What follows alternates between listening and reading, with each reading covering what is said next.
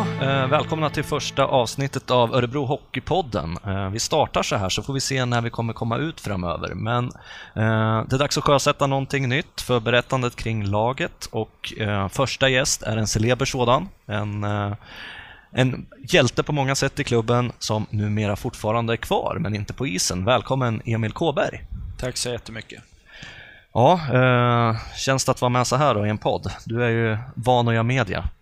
Ja, van och van, men det ja, känns väl skapligt bekvämt, än så länge i alla fall. Du har ett ganska rigoröst skägg nu när man iakttar dig. Du har låtit det sparats ut en del igen.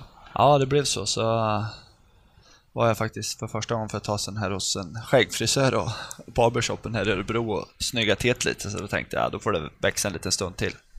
Hade barberaren fria händer eller hade du någon sån här förebild som du ville, eh, ville likna? Nej, det, han hade fria händer. Jag sa till honom att snygga till lite och det var väl lite som jag tänkte. Det går väl inte att göra så jättemycket med skägget kanske. Då får det nog växa en liten bit till om det ska gå att göra några snygga frisyrer. Vi återkommer till skägget och eh, det skägget som en gång blev en otrolig snackis, en världssnackis och eh, på viss, eh, till viss del även kanske hotade din Thailandsresa. hade kunnat bli lite för varmt att åka iväg där. Vi börjar med en faktaruta för de som inte känner till Emil Kåberg. Namn har vi redan. Ålder? 38 år. Familj? Fru och två barn. På, de blir 10 och 7 år. En tjej och en kille. Yrke? Ja, egenföretagare och materialförvaltare. Klubbar? Vilka har du representerat, Emil? Eh, Kumla är moderklubben. Och sen var jag i Frölunda en sväng som junior i en och en halv säsong. Och sen var det Bofors och Färjestad. Yes. Eh, vad äter du helst? Ja, jag är nog rätt så allätare. Det jag inte gillar är väl lever och surströmming. Det är ingen höjdare, men annars det jag äter helst är väl kanske en, en fin grillad köttbit. Dricker? Vatten blir mest.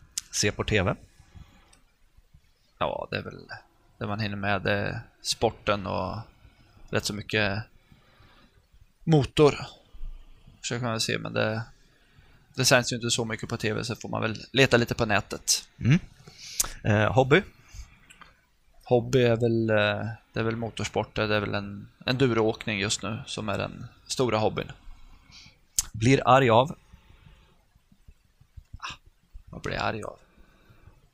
Jag vet inte riktigt vad han... Det... Jag blir nog inte arg över så mycket. Jag kanske blir lite småretad, men jag vet inte vad det är riktigt. När folk kanske inte ger, ger allt. Eller ger allt, ger, ger, gör det de gör det de ska, det de egentligen kan. Det har blivit inte arg över, men man kan väl bli irriterad. Mm. Och vad blir du glad av då? Glad av? Det... Ja, det är väl det är väl desto mer där. Det är väl mycket när när man, när man eh, når, når framgång, när, när barnen lyckas och när de är glada och sådana grejer. När dagen flyter på bra, det blir man glad av. Mm. Jättebra. Vi ska säga så nu också, för eftersom det här är första avsnittet, att eh, ni är jättevarmt välkomna att skicka in egna önskemål på vilka personer i klubben eller runt klubben, både bakåt i tiden och eh, här och nu då, som, eh, som ni vill ha med i de här poddavsnitten. Eh, maila gärna till johan.arvidsson orebrohockey.se så ska vi se vilka profiler vi kommer kunna springa på här framöver. Ja, Emil, eh, materialförvaltare är en tjänst som, eh, du var inte garanterad just den tjänsten, men när du avslutade din karriär så hade du kontraktet att klubben skulle bistå dig med, med, med ett jobb. Visst var det så? Ja, det, det stämde och det var väl, eh, ja, inte just den tjänsten, men mer eller mindre. Det är väl, jag kände väl att det är något som jag skulle klara av och något jag skulle tycka om. Eh, så skulle det vara just materialförvaltare. Det har jag väl tänkt på dem ja, senaste 5-6 åren i karriären på att det, vad ska man göra efteråt lite så att ja, för många är frågan när man har spelat mycket, ja, kommer du fortsätta inom hockeyn, vara tränare eller vara någonting runt så, men det är ingen som har jag haft jättesug efter det. Utan Nej. då tänker jag att materialare, det, det är ett arbete man får vara med killarna och jobba liksom med och vara lite självgående och måste vara lite händig också. Mm. Och du, du, du är ju inte ensam att rätta dig till det här, eh, till, till det här ledet. Eh, Du har ju Uffe Sö Söderström till exempel som blev materialare i Linköping och Anders Huss i, i Timrå. Har man något nätverk av materialare som man pratar med? Sitter du och, och pratar med de andra kollegorna så att säga, eller? Ja, det blir ju, vi träffas ju, har ju ett möte på sommaren alla materialare så vi träffas så med och kommer överens lite grejer hur vi vill ha när vi kommer på bortamatcher och så hur det ska vara för att underlätta för oss till resor och sånt. Och, men sen blir det rätt så mycket man pratar med materialarna ofta innan man möter dem, det laget borta och så. Så det, ja, det blir rätt så mycket man, man pratar med varandra. Det blir allt. Vem i Örebro Hockey idag i den befintliga truppen tror du skulle kunna ersätta dig som materialare om man ser till detaljer och, och krav? Finns det någon personlighet som passar in där?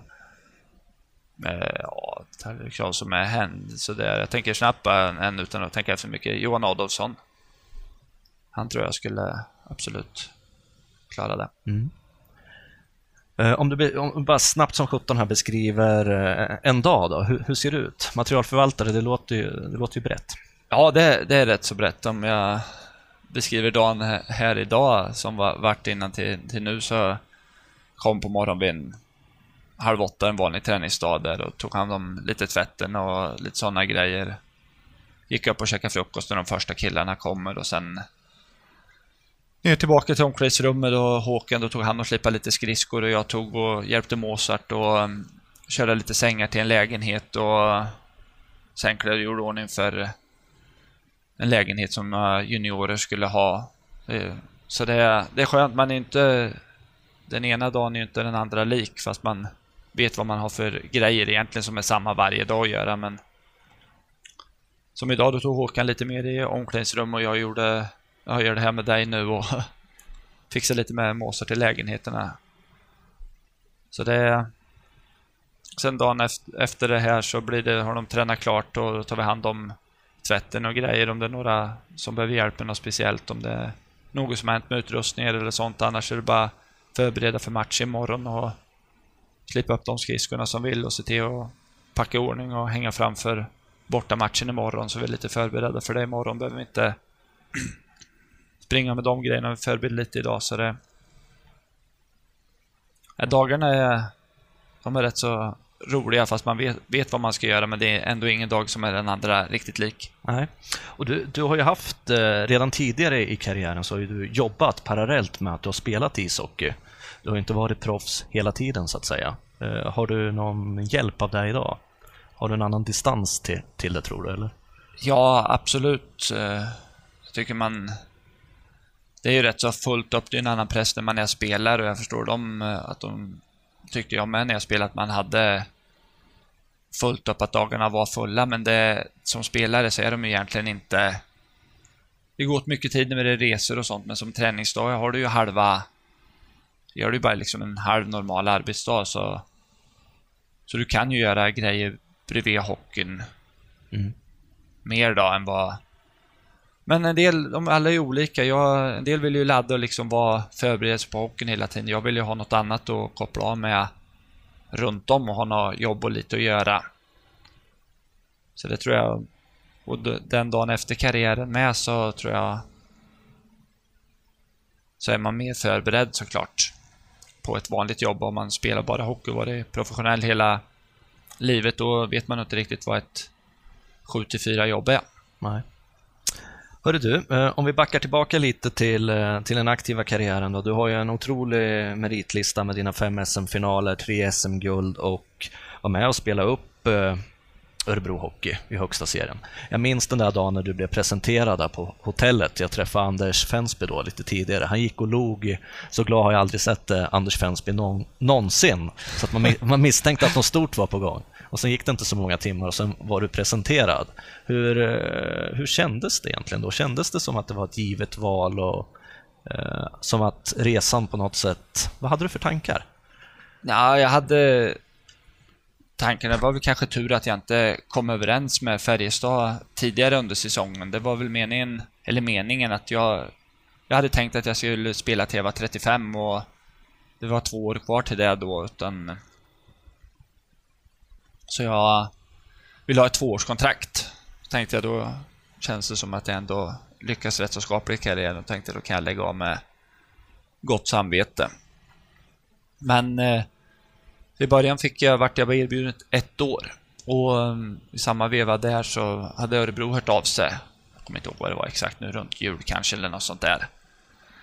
Och um, så började jag fundera på det mer och mer och så. så det, sen när det väl kom till krita med kontrakt och sånt där, när jag tackade nej till Färjestad så hade jag kanske fått de där två åren då, men då hade det gått så långt med förhandlingen med Örebro och det var Ja, det var ju ett lätt val egentligen att tacka ja till Örebro, men det var ett svårt val att tacka nej till Färjestad. Många sa det, fasen, är du inte klok? Det är en av Sveriges eh, framgångsrikaste klubbar och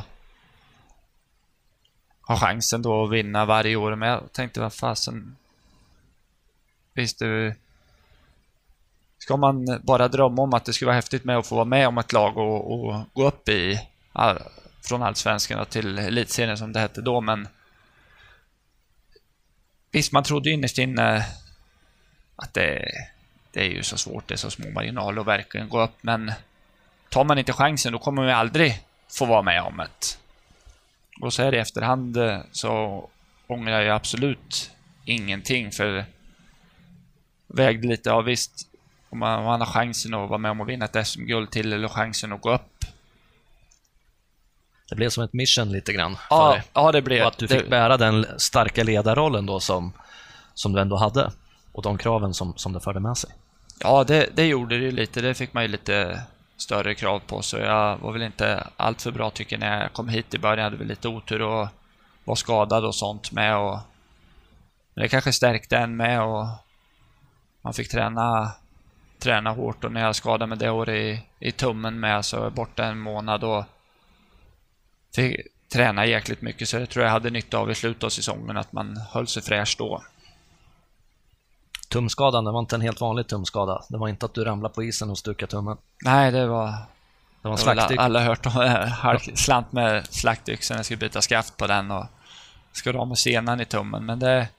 Så här i efterhand då, just då var det jäkligt surt och tyckte man det var så jävla onödigt gjort då. Men i efterhand då var det nog bra för man, kroppen var ju de senaste åren lite sliten och grejer och då fick jag verkligen ja, spara på kroppen där man behöver inte vara det fysiska i en och en halv månad eller vad det tog där utan man bara fick eh, träna hårt och bygga upp kroppen, både styrka och kondition och allting och sånt. Så det, det tror jag, eller vet jag att det hade jag nytta av i slutet av säsongen för jag, för jag tycker jag varit bättre och bättre den säsongen mot slutet och det var väl som hela laget, för att man ska lyckas så prick, måste man, ja, nästan alla lag måste pricka in formen till kvalserien för att ta sig upp. Mm. Och det, det lyckades jag också med tycker jag, och som alla andra i lagen. Mm. Du, vad, vad, tänkte du när, när du skadade tummen, där och då? Var det en baggis från början eller var, såg det värre ut än, än vad det var? Eller liksom, det låter ju dramatiskt med en yxa och tummen. Nej, det var bara ett litet jack, precis som man skär sig ibland. Så det, ja, ja. det, var, det blödde lite. Jag tog och torkade bort bloden och, och fortsatte arbeta men så kände jag efter lite att jag hade lite svårt att lyfta tummen. Mm. Så då tog jag och gick in och, och kollade lite, torkade av och, och tvättade rent och glipade isär såret. Då såg jag att det var ett jack in emot benen. Så då förstod jag, eller ana, vad, vad det var. Mm. Du, sista säsongen då med Örebro, eh, jag minns ju den eh, väldigt väl. Eh, jag minns ju hur, hur mycket skott du täckte, hur många skott du tog. Vi har det berömda skägget. När ni säkrar kontraktet på HV mot Djurgården och du står och särar på benen och täckte ett ganska brutalt skott med veka livet. Det gjorde ont att heta Emil Kåberg den säsongen. Kändes det som? Ja, det, det gjorde det, men det har det gjort förr om säsongerna med. Det var väl kanske toppen på smärtan just då när man, jag fick den där mellan benen. Och det, det, var det väl absolut, men det... Kommer du ihåg det? Du stod i ett separat rum nästan när de andra firade. Ja, med handduk ja, bara och handduk, fixa ja, det, det, Smärtan gav sig inte på många timmar faktiskt efteråt. Det, det är nog det är nog den värsta intensiva och smärtan som... Man har väl haft mer smärta så här topp när man har fått någon skottpåse eller sånt där. Men den här var ju nästan på toppen hela tiden och hängde i flera timmar. Så jag måste säga det är helt klart den värsta smärtan man har varit utsatt för. Det är lite komiskt det där. Det är likadant i fotboll. När någon får en boll i huvudet så, så skrattar ju ingen om man blir skjuten i huvudet. Men så fort man blir skjuten mellan benen, då skrattar omgivningen. Då Ja, blir det ja, ja. komiskt, fast det gör så fruktansvärt ont. Ja, ja, det är ju mycket värre det än att få ett skott i huvudet. Så det, det är det. Det gjorde de ju åt mig med. Jag kommer ihåg Tommy Rudos material alltså, när jag kom in i bås och låg där. Han stod ju över mig och han sa ju förlåt, jag kan inte låta bli att skratta. Och han sa det förstår jag, jag hade ju skrattat. Hade han legat där och fått smäll mellan benen så hade jag skrattat åt honom. Så det, men han hade så ont där så man hade inte tid att bli förbannad på någon som skrattade åt en heller. Så det, man hade fullt sjå att bara vara. Jag förstår det. Hörru du, eh, skägget då som blev en jättesnackis, eh, som du lät växa ut och uppmärksammades i nordamerikansk media och du var med på bloggar. Är det här världens bästa sportskägg? Vad hände egentligen? Liksom? Ja, det, det vart väl lite, jag vet inte, det var väl han Pelle Ernström som uppmärksammade det på, vad, vad heter det, programmet på fyran då som var med. Så han ringde väl upp, jag vet inte varför, han ringde upp Cissi då och hörde hur hon kunde vara och leva med någon med sånt skägg och så här.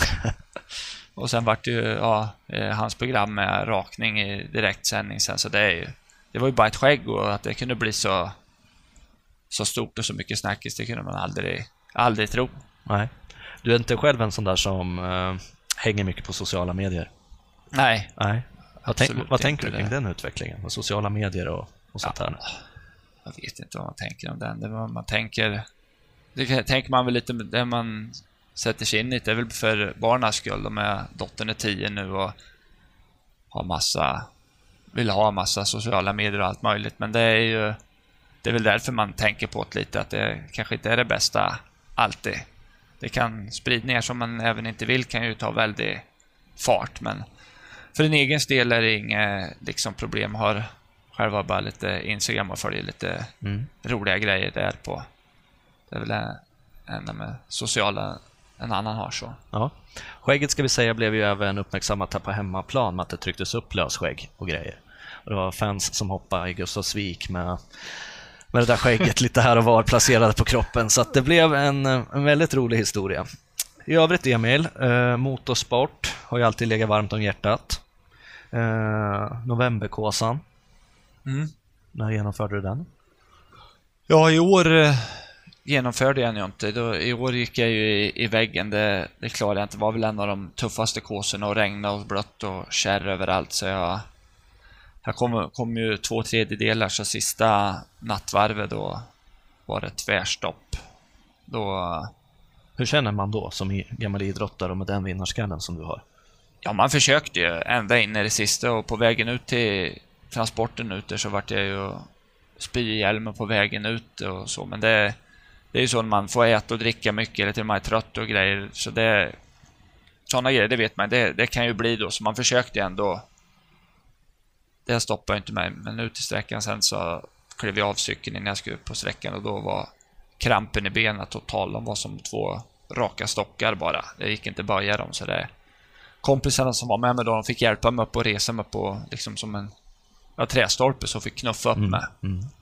Och då kände jag att det gick inte att åka ut. Så hade jag inte haft krampen hade jag kommit ut på den sträckan då, sträcka 11 och 15, men jag hade aldrig kommit igenom den. För den var ju två mil och det kändes som det var en mil av det var bara träsk.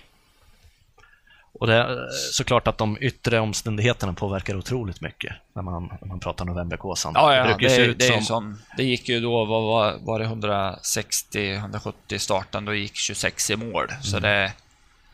Så jag beundrar verkligen de, de som gick i, gick i mål. Mm. Visst, de är ju duktigare, såklart mycket duktigare åkare än mig, så de, de tar sig väl fram på ett smidigare sätt med, men jag åkte ju Kåsan året innan och det var ju första gången jag startade och då var det, då gick det, det tror jag, eller 90 av 180 i mål. Och då var det ju inte så blött och det var betydligt lättåkt där, men det var riktigt tufft sista sträckorna ändå. Man var helt slut, men det fanns ju så man kunde ta sig i mål i alla fall. Men i år då var det det var kört. Hur vill man ha då? Vill man ha så grisigt som möjligt liksom bara för att klara av den extrema, extrema utmaningen? Eller vill Ja, man ha det- något halv, eh, halvblesyrigt för att man kan säga nej, jag tog mig igenom, tog mig igenom det här, det var inga problem. Nej, det skulle väl vara... I år var det väl kanske i, i tuffaste laget. Jag tyckte väl de som var i toppen med. Ljunggren som vann igen, han tyckte väl också det var en av de tuffaste. Att det kanske var lite för mycket för det hade regnat så orätt mycket och så mycket kärr att det gör inget om det är riktigt tuffa och djupa kärr lite då och då. Det finns ju så mycket folk som kan hjälpa till, men här på några ställen fanns det det fanns ju inte, det var så mycket kärr så det fanns ju inte folk att hjälpa till och då tar man ju helt slut när man måste släpa hojen bokstavligen genom kärret. Så det var väl lite, skulle varit ett mellanting mellan förra årets Gåsa och eh, den som var. Mm, mm. Har du något mer på gång inom motor, motorkretsar framöver? Ja, det är väl på igen här nu när våren drar igång och ska köra de stora tävlingarna tänkt eh, Gotland Grand National och Stångebörslag och Renneslätt, de stora, tre stora varvloppen och sen blir det en, en del andra tävlingar med och sen tror jag även man väl tillräckligt dum så man skulle inte förvåna om man provar på Kåsan igen. Ingen, i, inte spy i hjälmen den här gången. Nej, får väl försöka. Det är väl bara att träna ännu hårdare och förbereda sig ännu bättre för såklart, det går inte att komma halvförberedd. Nej. Men det är väl det som är tjusningen. Mm. Mm. Du, om man kollar tillbaka, under en period så var det ju, i Färjestad så var det otroligt starkt förknippat tillsammans med Per Ledin då. Ni var ju ett, ett buspar som många upp, eh, tyckte. Eh, kanske inte om man var en del av laget, men om man hade er som motståndare. Eh, har du någon kontakt med Per Ledin idag? Nej, inte jättemycket. Det är någon gång ibland vi hörs på telefon. Så, Ja. där är det. Men nu är det ett tag sedan. Vad surrar ni? Nej, det blir väl lite hur, hur det är kanske med familjen och så hockeyn lite och sådär och prata lite allmänt. Mm. Du, vad heter det, den klassiska säsongen där 2004-2005 eh, när du kom upp i 213 utvisningsminuter och, och var mest utvisad i elitserien. Eh, minns jag rätt så fick du 126 utvisningsminuter 2013-14 i Örebro och blev också utvisad, äh, mest utvisad då. Men den här 213 minuters, hur samlade du ihop dem? Vad var liksom, Ja, det var väl lite... var det onödiga matchstraff? Ja, det var vad- väl lite onödiga matchstraff eller sådär och som såklart drog iväg tiden lite, men det var ju det var ju lockout-året det tror jag och då sågs det lite mer mellan fingrarna. Då kunde det vara en liten fight och det var lite sånt där sluta matcher. Det var några hade varit på slutet där och vi fick, jag tror att två gånger matcher, det var bråk efteråt och då delade domarna ut lite Mm. lättvindigt matchstraff, men det hände inget liksom. Det var ju, vart ju bara minuterna. Det vart ju inga påföljder och det året vart jag har varit avstängd en gång tror jag, en match. Eller om det var ett par matcher. Så lite dopad statistik då? Ja, det var det väl det och det året behövde man inte vara så rädd för. Det vart inga avstängningar knappt. Nej. Det, visst, det vart några avstängningar, men de såg väl lite... De gjorde några lite mellanting mellan NHL, eftersom det var många NHL-spelare här då, och reglerna här. Mm. Och sen var det väl... Jag hade gjort en halv säsong innan i Färjestad och det var väl första, man vill väl med skapa sig ett namn och visa att man backar aldrig undan. Man hade lite den rollen och var en fysisk spelare och det vart lite bråk och så ville man, ja man ville stå upp för, för sig själv och laget där och gjorde väl kanske no onödigt några gånger som man lärde sig med tiden sen att nu kan man skita i det. Mm. Finns det några sådana där grejer du, som du känner än idag, att, som du kommer på dig själv att aj, aj, aj, det där var ju väldigt onödigt gjort? Nej, faktiskt inte. Det finns det väl om jag sitter och får tänka en stund. Men det är ingen sån där solklar som kommer upp nu att fasen det där. Nej. När jag tänker på det så ångrar jag mig än idag. Det är väl inget riktigt sånt där det var väl inte riktigt någon gång jag satte laget jätte i skiten på grund av det. Det kanske det var, men det har man väl förträngt så mycket som man inte tänker på i så fall. Nej, jag tror inte det. Nej. För, för sen när du kom till Örebro också, då, då var det ju verkligen en stämpel på Emil Kåberg som en riktig buse och en hårding som skulle komma in här och eh, kanske hade saknats en viss typ av sån karaktär i laget och att du skulle bli den här eh, hårdförande forwarden som skulle tackla sargkanterna så att sargen liksom nästan fick byggas ut. Ja, Hur, hur gick samtalen med Örebro? Liksom, pratar man om dig som rollspelare på något sätt eller var det bara att komma in som ledare? Eller vad? Nej, det, det var ju klart man... man var ju ändå till åren lite då, var 33 år, man hade lite erfarenhet och varit med och fått vara i ett lag som Färjestad och vunnit lite och fått liksom, ja, blivit fostrad lite i den kulturen. Det var väl det de ville ha och sen ville de väl ha såklart eh, mitt fysiska spel. Det, det kan jag absolut inte ändra något om jag skulle ha gått till Allsvenskan eller Division 1, utan jag måste ju spela mitt spel Mm. som jag spelade då ändå. För att hävda mig och...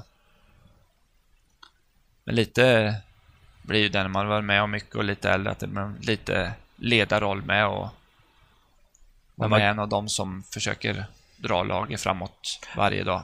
När du kom in och gjorde din första träning då, var grabbarna oroliga att gå in i duellen med dig liksom? Eller vad var bilden utifrån? Nej, nej, nej. Det, det tror jag inte. Det är nog mest media och sånt där det som pratar om det, att man var sån jäkla flåbus, man fysiskt spelare och det är klart, det var man och men nej, och många av dem hade jag ju mött innan med när jag spelade i Bofors Mm. och jag möter en del som spelar här och möter de andra, en del som var här, de har ju varit uppe i andra elitserielag, så man möter dem där och så, så det var, nej, det var inget speciellt. Bofors, att komma tillbaka och spela i Karlskoga. Du var ju med några matcher med Örebro. Mm. Media försökte ju få det till att det var en stor återkomst, att det var mycket känslor inblandat. För det var det ju i matcherna, uppenbarligen. Ja, det, det, det var det ju. Både att det var det riktigt heta derbyn och sen att jag hade spelade i två och en halv säsong i, i Bofors med. Så det, det är klart att det, de matcherna, de såg man ju fram lite extra mot. Men jag tror att Bofors såg ju fram ännu mer. För de, för Örebro, det var ju lite, ändå lite storebror. Det var ju mer fjäder i hatten för dem att, att vinna mot oss än vad det var för oss att vinna mot dem. Det var det ju. För oss var det att vi skulle ju bara slå dem och... Vi var väl lite när jag kom hit, var ju favoriter och Mm. var ett av de lagen som skulle fightas redan första året jag var här och, och gå upp då. Och, om jag minns rätt så vann vi serien men klappade väl ihop lite sen när det var Mm. dags för kvalserien. Mm. Ja, tredje året gilt, det var en eh, kopia på, på Växjös avancemang kan man säga som förening. Mm. Eh, Kumla, Emil, funderar lite på, och nu finns det ju en annan Emil i Örebro Hockey. Emil Eriksson ja. Ja, ja. som också har en koppling till Kumla. Mm. Eh, vad kan man säga om honom? Han har ju gjort det jättebra när han har kommit upp här och de säger väl han spelar väl ett snäpp bättre när han spelar i A-laget till och med när han gör det i junioren. Det passar väl honom det, det Mm. spelet och blir att spela det såklart lite enklare när man kommer upp för då är man ju, blir ju straffad mycket mer för misstagen man gör i SHL än det blir i ett J20-lag men han tycker jag har varit jättebra när han har varit på de matcher han har gjort. Så det tror jag han är bra lång storleken och får bygga på sig lite muskler de här närmsta åren så tror jag det kan bli en riktigt, riktigt bra spelare. Och en liten rekordmagasinet start där när han på Hovet gjorde mål i första bytet. Första byte, första puck eh, touchen. Ska det få gå så lätt? Är det någon orättvisa i världen då, eller är det liksom, där man får den start? Ja, nej, det är väl... Jag vet inte, det kan väl... Det vet ju han med, att det är mycket slump som är över. Det kan ju gå en del som är med och en hel säsong och inte få göra ett mål. Så det... Men det tycker jag det är extra kul när det är så. Det är det ju, Mm. helt klart. Och man ser vad små marginaler, man- det är bra för de andra juniorerna att se med att det fasen steget. Det är många som slåss om platsen, men har man lite tur och det är rätt förutsättningar och det blir kanske, det går fort i hockeyn, det är några skador, någon sjuka i A-laget, så pang, då står man där. Mm. Och då kan man helt plötsligt vara hjälte på Hovet där. Och då gäller det att vara redo. Mm. Är det någon som är på dig och tycker att du ska göra saker bättre som materialare? Känner du att du kan ha en eh, krävande dialog, så att säga? Att du vill ha den feedbacken också? Ja, det, det, vill- det vill man ha. Absolut. För det. Och sen från spelarna får det inte gå till någon överdrift att det ska bli så superenkelt för dem. För en del saker finns ju för dem som är lätt för dem att göra. Att då kan vi lägga den tiden på, på det som är viktigare saker för dem. Så, men det är helt klart, det vill man ju höra vad de... Sen får man ju ha en del och får man ju säga vad jag tycker och varför de tycker man ska göra det och så. Och likadant man säger till dem att kan ni göra det? Då får ju de säga vad de tycker om det. Så det, Mm. det måste man ha, det tror jag, alla jobb. Och, och ändå som materialare är man ju här för att serva dem, att de ska ha så lätt som möjligt till att prestera det de ska göra på isen.